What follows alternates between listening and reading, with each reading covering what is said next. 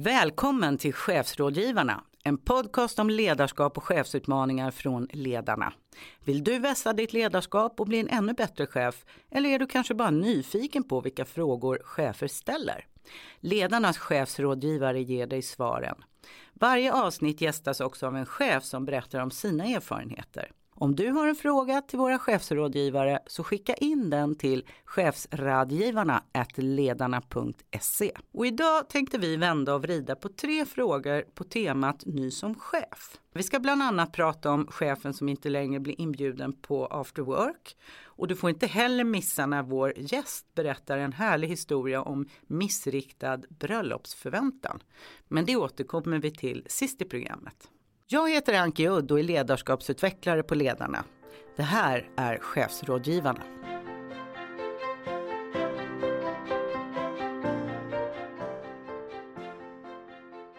Med mig idag har jag Ove Ekerbring som är chefsrådgivare på Ledarna. Välkommen hit Ove! Tack så mycket! Vad innebär det att vara chefsrådgivare? Ja, det är en tjänst som ledarna har för sina medlemmar som rör frågor kring uppdraget som chef och ledare.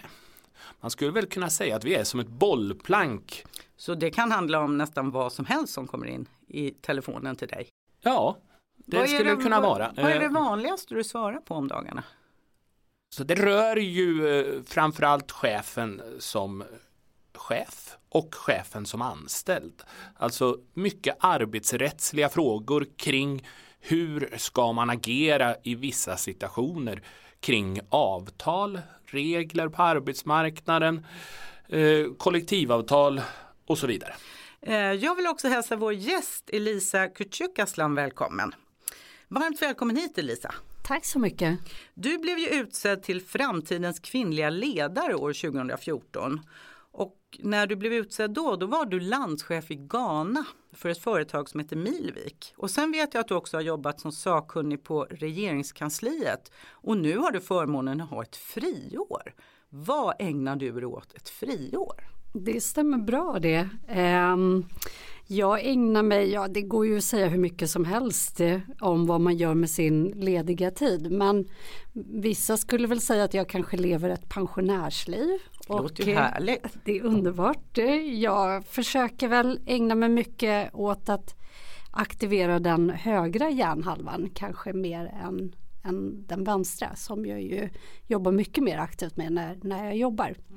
Läser väldigt mycket, eh, hinner träffa vänner, kolla på film, gå på museer, du vet allt sånt där som man eh, fritid som man inte har så mycket av när man jobbar ganska mycket.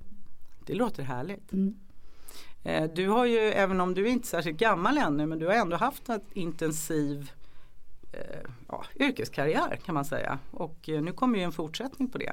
Tycker du det var skönt att få friår också för att ladda om lite grann? Eller hur tänker du kring det? Ja men underbart. Jag tänker det är verkligen en, en förmån och Eh, jag har nog landat i att eh, jobbar man väldigt intensivt eh, periodvis så är det rätt smart att kanske inte vänta tills pensionen innan man får hinna dra sig tillbaka och, och varva ner och, och ladda om utan kanske försöka ha Ehm, ja, ett halvår om man har den förmånen eller, eller lite längre tid emellanåt. Mm.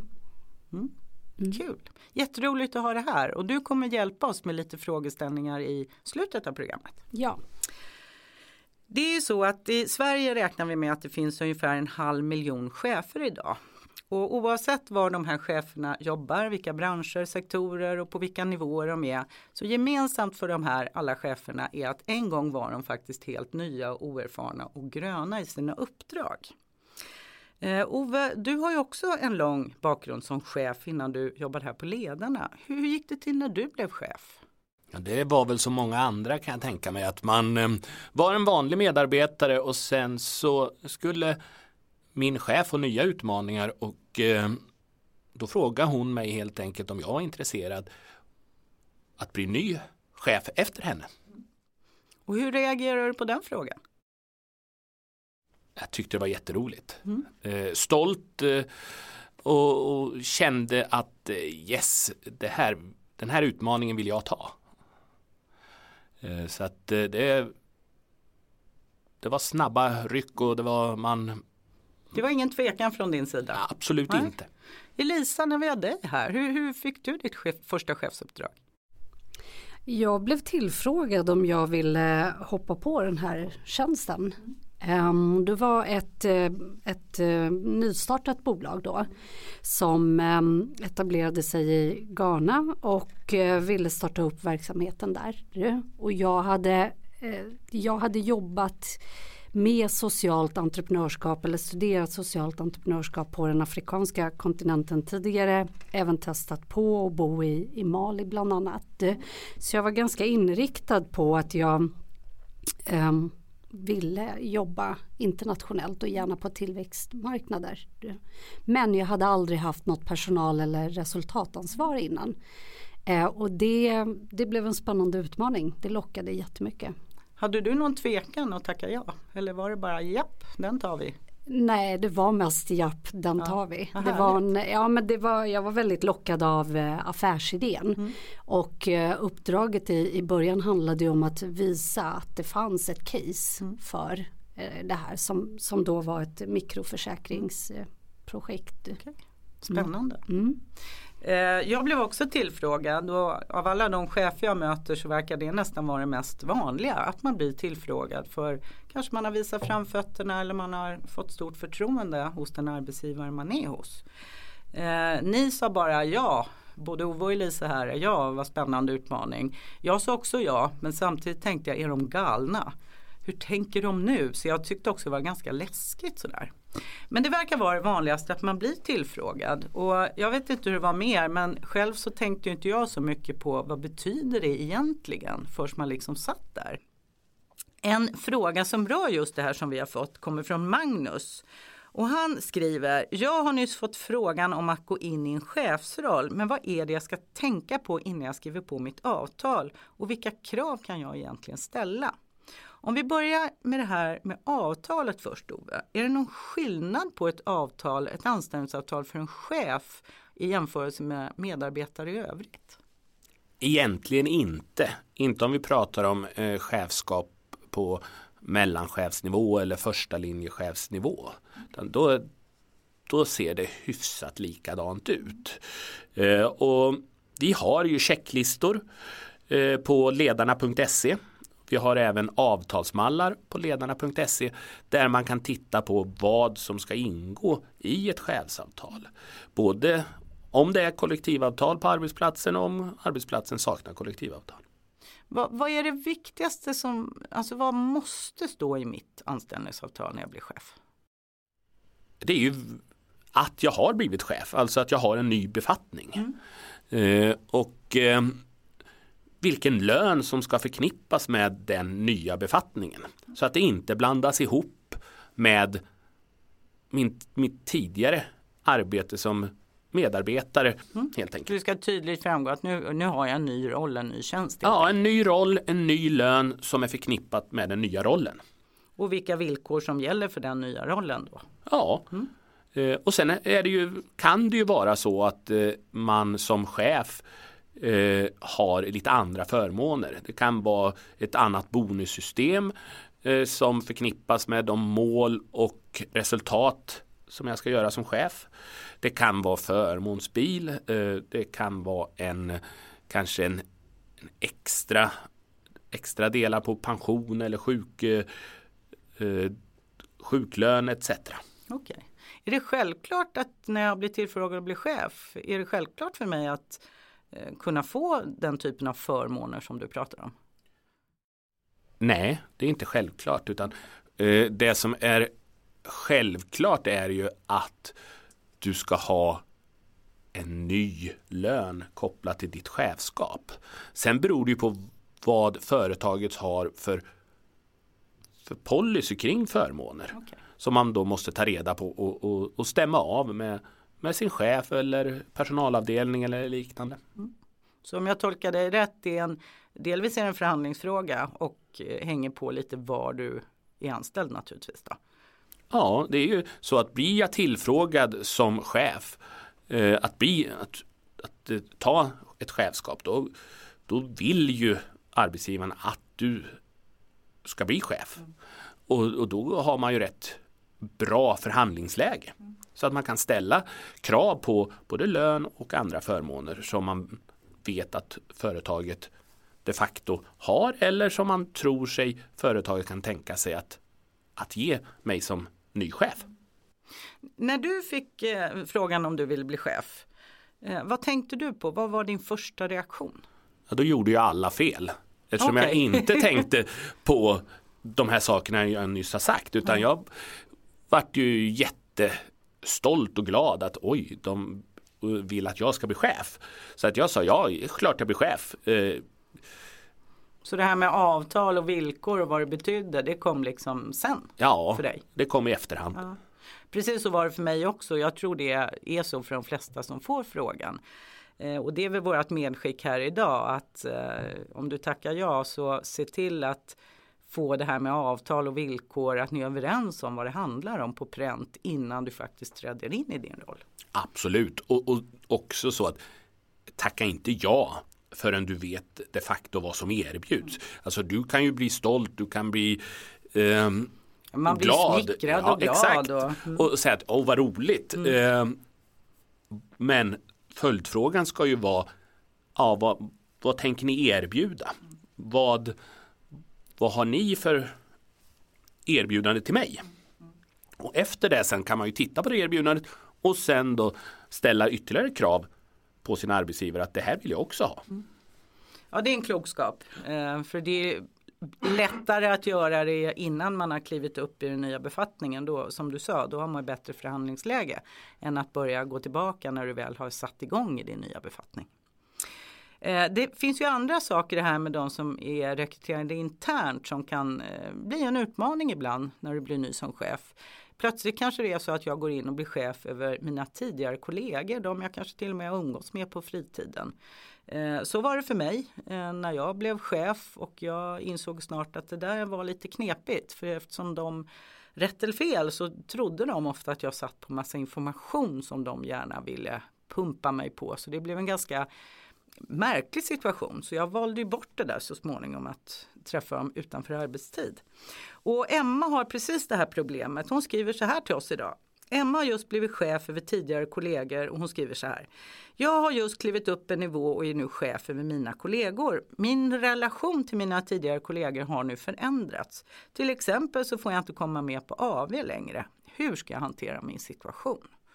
Och då tänker jag Ove, för att när du blir chef och haft goda relationer tidigare, blir de sämre bara för att du blir chef?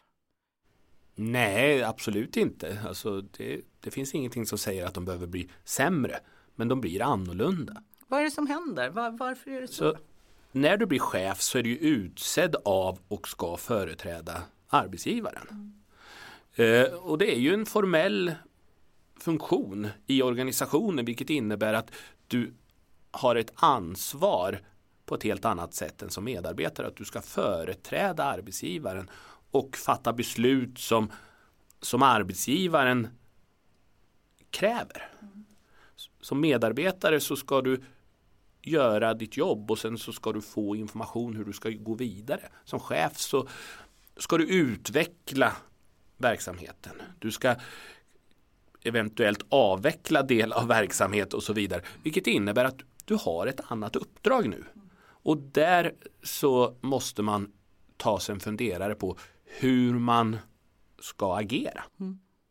Men, men även om man blir chef så jag har ju fortfarande ett behov av att kunna bolla och ventilera och kanske ja, ibland faktiskt beklaga mig över saker och situationer och svårigheter jag står inför. Eh, nu börjar jag då inte prata med medarbetarna längre men mitt behov kvarstår ju.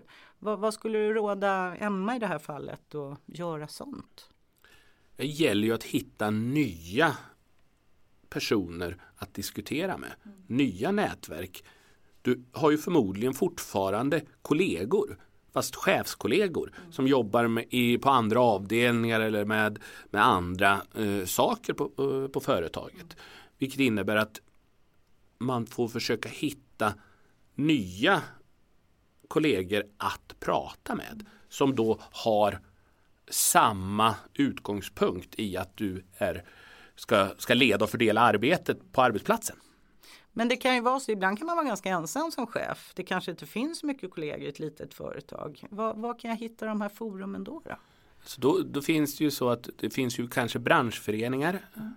Vi har ledarna. Man kan ringa oss på chefsrådgivningen eh, eh, och ställa frågor och, och, ha funderingar och använda oss som bollplank. Det kan vara arbetsgivarorganisationer. Det kan vara en tidigare chefer eller tidigare kontakter man har som man kan nyttja som mentor. Mm. Som jag tror är en, en bra del att nyttja.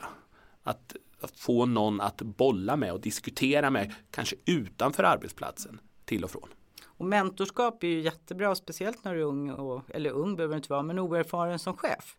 Eh, det kan vara skönt att ha någon som har gjort vissa misstag kanske redan eh, så man slipper gå i de värsta eh, klavertrampen. Eh, och skönt att ha någon man har förtroende för och att hitta mentor det tycker jag att det kan man mycket väl göra på egen hand. Vi får ofta frågor om det. Men ring helt enkelt upp en chef du kanske tidigare haft eller någon du känner till som du har förtroende för och ställ frågan om han eller hon kan ställa upp under en viss tid. De allra flesta blir väldigt glada att få en sån fråga. Det tyder på ett förtroende. Så det kan jag verkligen rekommendera chefer att göra när de är nya. Nästa fråga handlar om relationen till min egen chef. För även om jag är chef så har jag fortsatt behov av att kunna stämma av saker med min närmsta chef. Eh, och så här skriver en chef till oss. Jag har nyligen kommit in i min nya roll som chef men jag har svårt att se vilka mandat jag har och vad som egentligen är mitt uppdrag. Ofta känner jag att jag skulle behöva ställa frågor men det finns inte utrymme för det och istället så testar jag egna lösningar. Och det här kan ju vara en utmanande situation. Nu vet inte vi varför den här personen inte kan ställa frågorna.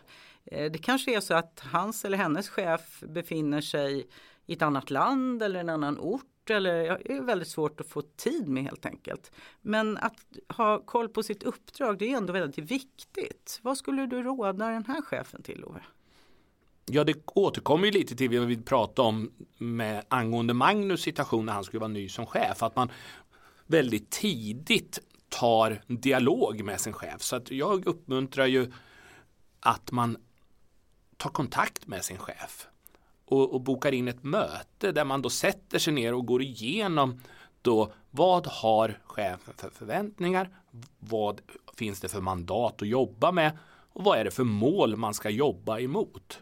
Och det som är viktigt är att det inte bara blir ett möte utan det är återkommande möten under året som gör att man kan följa upp de här sakerna och göra att man känner att man man har tillit till sin chef. Det finns en närvaro och det ska ju också spegla sig i relationen till medarbetarna sen att man när, har en närvaro mot dem. Mm. Jo, för även om man är chef har ju det behovet också. Ja, eh. ännu mer skulle jag vilja säga. Mm. För att du får ju inte tio års mer erfarenhet bara för att du tecknar på det här chefsavtalet. Utan du är ju ny i din roll och då det, krävs det ju jättemycket stöd, stöttning, eh, hjälp från, från, som man måste kunna hämta någonstans ifrån. Och, och i ett väl fungerande företag så ska ju det finnas inhouse. För det här att ha en bra relation till sin närmsta chef det är också ganska avgörande för vilka möjligheter jag får och vilka eventuella hinder som finns. Elisa, du som har erfarenhet, hur, hur har du jobbat med de här frågorna för att skapa relation till din chef? Ja, men jag har eh, redan eh, från början försökt eh, vara tydlig med vilka förväntningar jag har. Ehm, hur, jag, hur jag fungerar, vad jag, vad jag ehm, vad jag föredrar att jobba under, alltså vilka former jag föredrar att, att jobba under. Och det har, det, det, har liksom varit i ett slags inledningssamtal kan man väl säga. Alltså, man kan väl tänka sig ett uh, utvecklingssamtal fast i inledningsskedet. Och sen har jag försökt, uh, försökt använda just de här uh, regelbundna utvecklingssamtalen till att just checka av med min chef att är vi, är, är, funkar det fortfarande? Mm. Är vi på rätt spår och, och så vidare. Jag vet att du berättade för mig när vi pratades vid tidigare att du var väldigt rak, väldigt rak till din chef och ställde frågan i princip vad får jag inte göra? Eller vad ska jag inte gå in i? Ja, när jag började då, det var ju eh, det var ju som sagt första gången som, eh, som jag var i en chefsroll. Eh, och eftersom jag var vd för bolaget i Ghana då så utgick ju jag ifrån att jag hade ett övergripande ansvar för verksamheten. Men vi hade ju ambitionen var ju också att sätta upp nya bolag eh, och anställa motsvarande då landschefer på, på de andra bolagen. Så att min chef blev ju eh, blev en koncern vd. Eh, för mig var det då viktigt att veta Eh, vad, vad, är det för frågor, vilka ämnen är det jag inte ska beröra? Det vill säga var går ditt, eh, var, hur, hur, långt sträcker sig ditt ansvar och var börjar mitt ansvar? Så jag, ville, jag ville veta om det fanns några avgränsningar till att börja med och eh, hur de såg ut. Um, och det tror jag är, ja, men det, jag tror att det la en bra grund för det fortsatta samarbetet. Och jag tänker också att om man är så tydlig då kan man ju också undvika vissa misstag. Att man kanske kliver in i något man inte är önskvärd att kliva in i så att säga. Det kan ja. ju finnas sådana områden. Verkligen. Men du pratar ju om vikten av den här kontinuerliga dialogen. Hur gick det med det sen då i praktiken? Um, alltså det som hände var att, och jag tror också att det här är klassiskt på, på många bolag. Det är att man går in i det dagliga operativa arbetet. Tiden försvinner mm. väldigt fort. Och eh, man missar liksom, eh, man missar att, stanna upp och ha de där djupare samtalen på ett regelbundet sätt. Eh, ofta och ibland kan de komma eh, när, det, när det väl har hänt någonting mm. så att det blir liksom en reaktion på någonting istället för att för att finnas där mer som en förebyggande åtgärd. Men så att lärdomen där är väl att min lärdom blev att sätta eh, ramarna för de här avstämningarna på, i ett tidigt skede. Mm. Att man bokar in dem med god framförhållning och att det finns en tydlig agenda med flexibilitet såklart. Mm. Att, eh, att utveckla den agendan utifrån vad som står på dagordningen och är aktuellt just då. Mm. Eh, jag tänker också att arbetslivet igår, förändringar kommer väldigt snabbt idag. Så det här att man har ett inledande samtal, det räcker ju inte särskilt långt tänker jag. Eh, eftersom saker förändras. Vid min introduktion som ny chef, ja då är det här som gäller och de målsättningar. Men de kan ju faktiskt vara inaktuella redan efter ett halvår.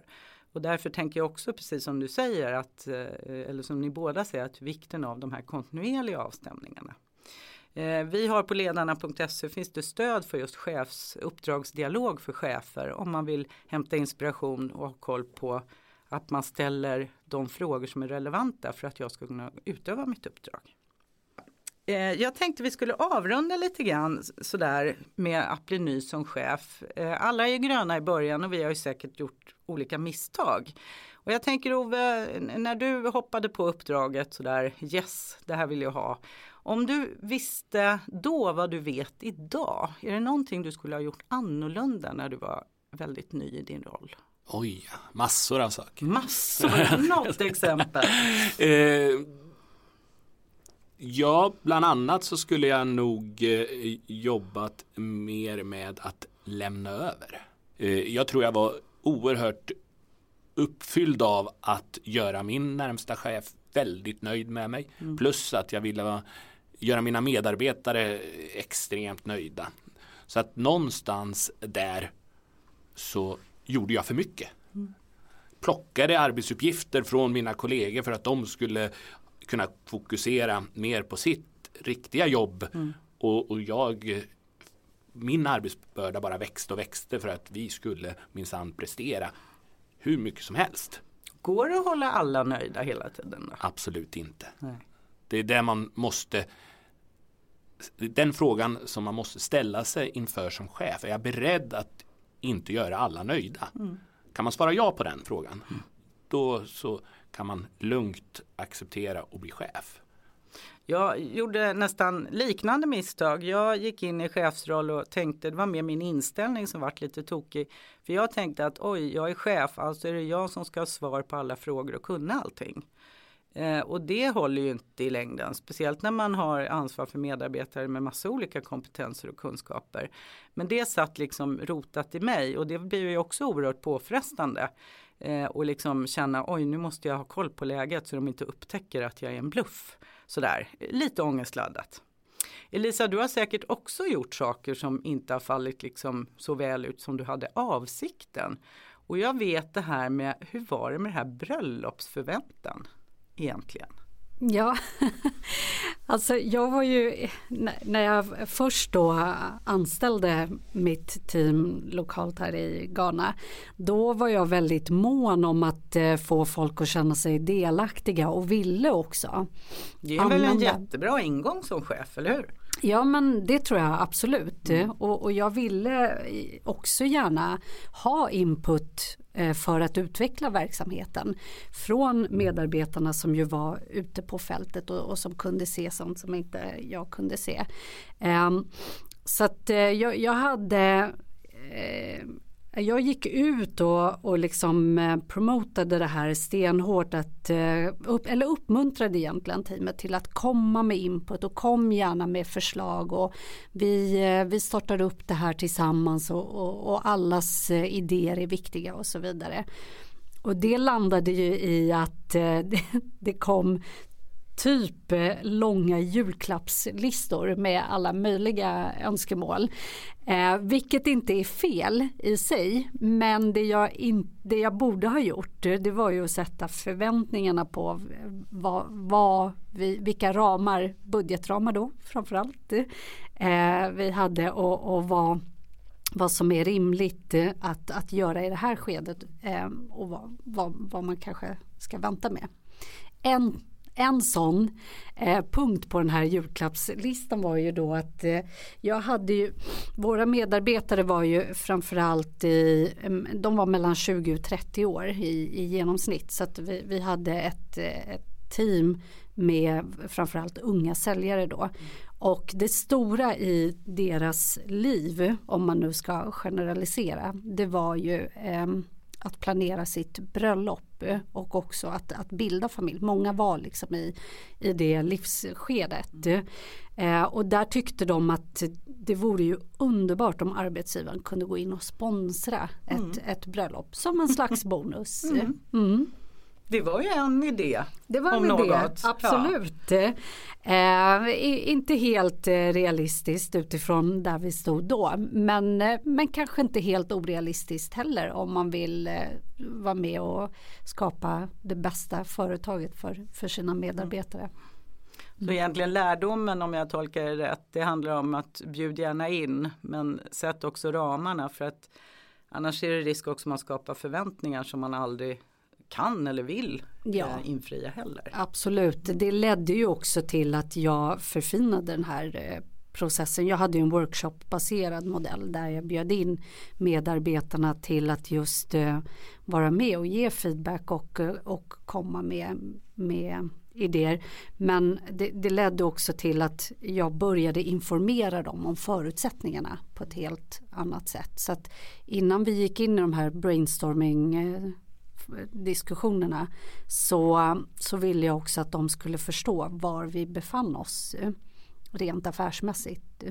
Och det gjorde faktiskt att om man, om man ska vända det till någonting positivt så, så bidrog ju det verkligen till att folk kände att ja, men, okej vi sitter i samma båt och det här är någonting som vi skapar tillsammans. Och så vidare. Mm. Härligt. Så det löste sig bra till sist. Ja. Så är det väl ofta när man blir ny som chef. Det är klart att vi gör misstag och det måste man ju få göra. Och det här med chefs och ledarskap det är en ständigt pågående lärandeprocess tänker jag. Man blir ju inte riktigt klar. Jag skulle vilja tacka Ove och Lisa för er medverkan här idag. Det var jätteroligt att ha er här och vrida och vända på lite frågor och funderingar.